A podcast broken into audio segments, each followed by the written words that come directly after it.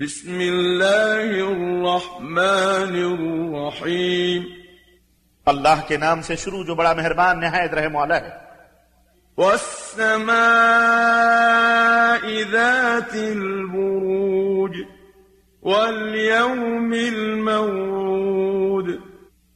برجوں والے آسمان کی قسم اور اس دن کی قسم جس کا وعدہ کیا گیا ہے۔ وشاهد ومشهود قتل أصحاب الأخدود.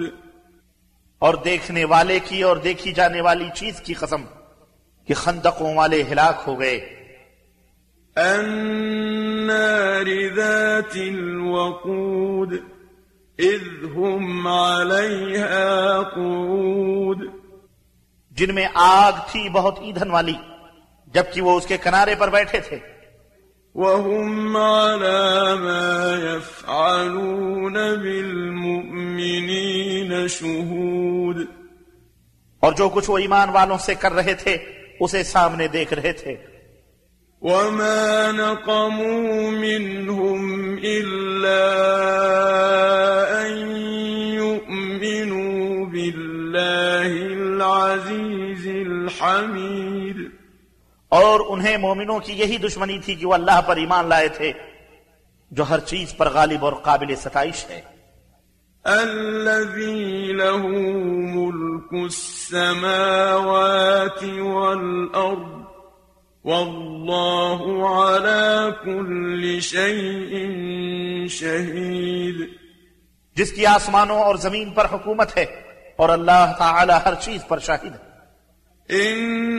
إن الذين فتنوا المؤمنين والمؤمنات ثم لم يتوبوا فلهم عذاب جهنم فلهم عذاب جهنم ولهم عذاب الحريق يقينا جن لوگوں نے مومن مردوں اور مومن عورتوں پر ظلم و ستم ڈھایا۔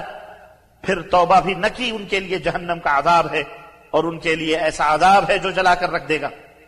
إن الذين آمنوا وعملوا الصالحات لهم جنات تجري من تحتها الأنهار ذلك الفوز الكبير بلا شبہ جو لوگ ایمان لائے اور انہوں نے نیک عمل کیے ان کے لیے باغ ہوں گے جن کے نیچے نہریں بہتی ہیں۔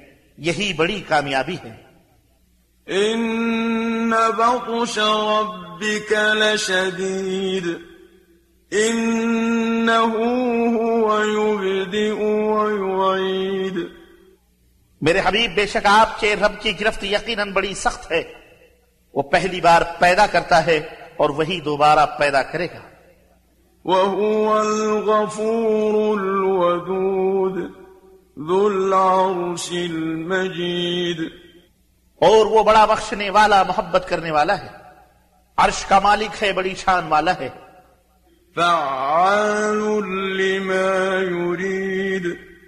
جو کچھ چاہے اسے کر ڈالنے والا ہے۔ هل أتاك حديث الجنود؟ کیا آپ کے پاس لشکروں کی خبر بھی پہنچی؟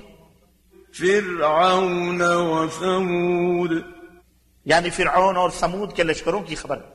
بل الذين كفروا في تكذيب والله من ورائهم محيط بلکہ کافر تو جھٹلانے میں لگے ہوئے ہیں. حالانکہ اللہ انہیں ہر طرف سے گھیرے ہوئے ہے بل هو قرآن لوح محفوظ بلکہ یہ قرآن بلند پایا ہے جو لوح محفوظ میں درج ہے۔